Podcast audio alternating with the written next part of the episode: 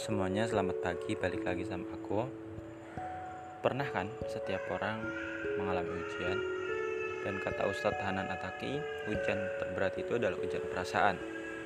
Meskipun ujian fisik seperti bencana alam, sakit, itu juga berat. Siapa sih yang menginginkan ujian dengan suka hati? Gak ada kan? Mau gak mau, ya pasti kita akan menghadapi yang namanya ujian. Ujian itu akan selesai kalau kita hadapi. Kali ini aku mau sharing tentang makna ujian menurutku. Dalam hal ini ujian hidup ya, bukan ujian akademik atau apa pun. Baiklah, yang pertama kita harus tahu dulu hakikat ujian. Ujian itu adalah suatu tahap di mana kita akan naik kelas namanya naik kelas berarti kita lagi di bawah untuk naik kelas yang lebih tinggi. Kayak sekolah. Dulu waktu SD guruku nanyain siapa yang mau naik ke kelas 2 semua angkat tangan ketika aku kelas 2 guru itu nanya lagi siapa yang mau naik ke kelas 3 semuanya angkat tangan. Seperti itu. Setiap tahun selalu naik kelas. Selalu naik kelas hingga saat ini aku kuliah semester 3 dan seterusnya sampai aku meninggal. Itu namanya naik kelas. Harusnya derajat manusia pun seperti itu ya. Kalau secara perkembangan pikiran, otak anak kecil bisa jadi dia belum tahu apa-apa. Bukan berarti bodoh ya. Dia belum tahu apa-apa. Sering berjalan waktu, dia makin cerdas karena sekolah, karena melihat lingkungan. Terus dia meresapi. Meresapi apa yang terjadi dalam hidupnya. Hingga akhirnya dia dewasa, dan tua. Sehingga makin banyak apa yang dia dapatkan dari hidup ini. Tentunya makin bijak seharusnya. Tapi faktanya banyak orang dewasa yang mengeluh akan ujian, masih kurang sabar dalam menghadapi ujian, terutama ujian perasaan.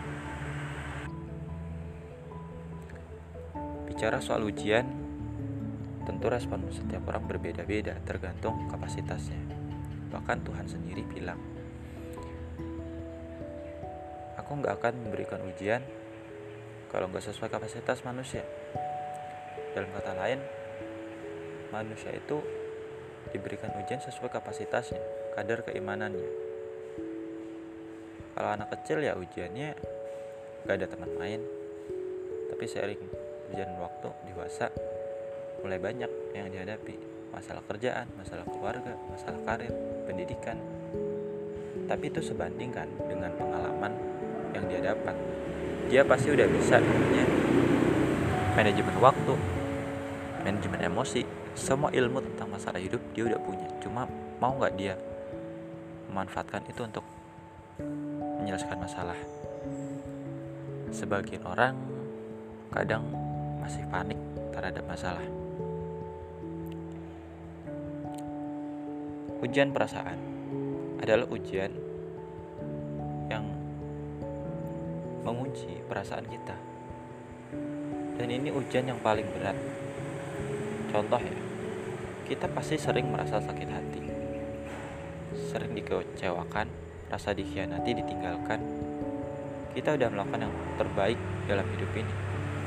Atau kita sudah bekerja sama dengan baik orang dengan orang lain tapi akhirnya kita dikhianati ditinggalkan bahkan posisinya dibalik. Dulu kita kerja sama sekarang malah kita yang jadi bawahan dia. Seperti loh hidup. Gak bisa ditebak. Tapi kita memiliki respon atas itu. Ya respon. Apa pun ujiannya seberat apa pun ujiannya kita tetap memiliki respon yang gak bisa diganggu gugat. Maka kita mau sakit hati akan itu ataukah mau merdeka dan bebas bangkit dari hujan itu? Tentu yang baik adalah yang kedua. Kita memilih untuk bangkit. Hujan perasaan itu harus dihadapi dengan semaksimal mungkin seperti halnya fisik. Cuma penanganannya agak beda ya. Kalau fisik kan lebih mudah. Kalau bencana alam ya tinggal kita kasih subsidi makanan obat-obatan kesehatan motivasi. Udah jadi. Kemudian membersihkan bangunan-bangunan yang runtuh menyingkirkan pohon-pohon yang berserakan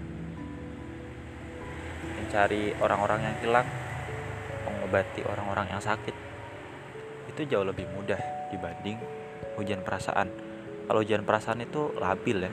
Kadang naik kadang turun. Tapi kalau hujan fisik itu progresif dalam artian kita bisa tahu jelas perkembangannya untuk penyembuhan bencana fisik. Ya kan? Tapi kalau ujian perasaan itu harus terus menerus solusinya.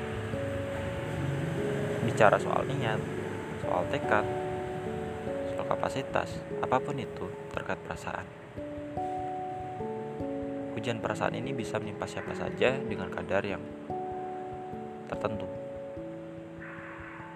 Semakin tinggi orang, semakin tinggi derajat, maka semakin berat juga ujian perasaannya. Ujian perasaan ini benar-benar sensitif dengan urusan kita di akhirat nanti. Tentang iri hati, tentang dengki, dendam, kesuksesan, kegagalan, apa pun yang menyangkut perasaan kita ketika hati kita merasa ada yang bergejolak perasaan kita merasa merasa gagal nggak berguna. Apa pun itu yang terkait perasaan tentang hati itu adalah ujian perasaan. Bagaimana kita menyikapinya maka itulah kuncinya dalam menghadapi ujian perasaan ini. Oke langsung solusi ya kalau kita menghadapi seseorang yang bisa jadi menyakiti kita meskipun teman sendiri apa yang harus kita lakukan? Seharusnya kita memaafkan tapi memaafkan itu ternyata gak mudah. Itu proses yang panjang. Awali dulu lah memaafkan diri sendiri. Kalau diri sendiri berbuat salah bilang sama diri sendiri wahai diriku gak apa-apa kamu salah. Besok perbaiki dan jangan ulangi lagi. Kalaupun terulang lagi tobat lagi tobat lagi. Sampai diri kamu benar-benar menyesal dan capek untuk melakukan kesalahan itu. Intinya udah tobat lah. Habis memaafkan diri sendiri kita lanjut memaafkan orang lain. Ketika orang lain berbuat salah bisa jadi dia belum tahu kalau itu ternyata menyakitkan kita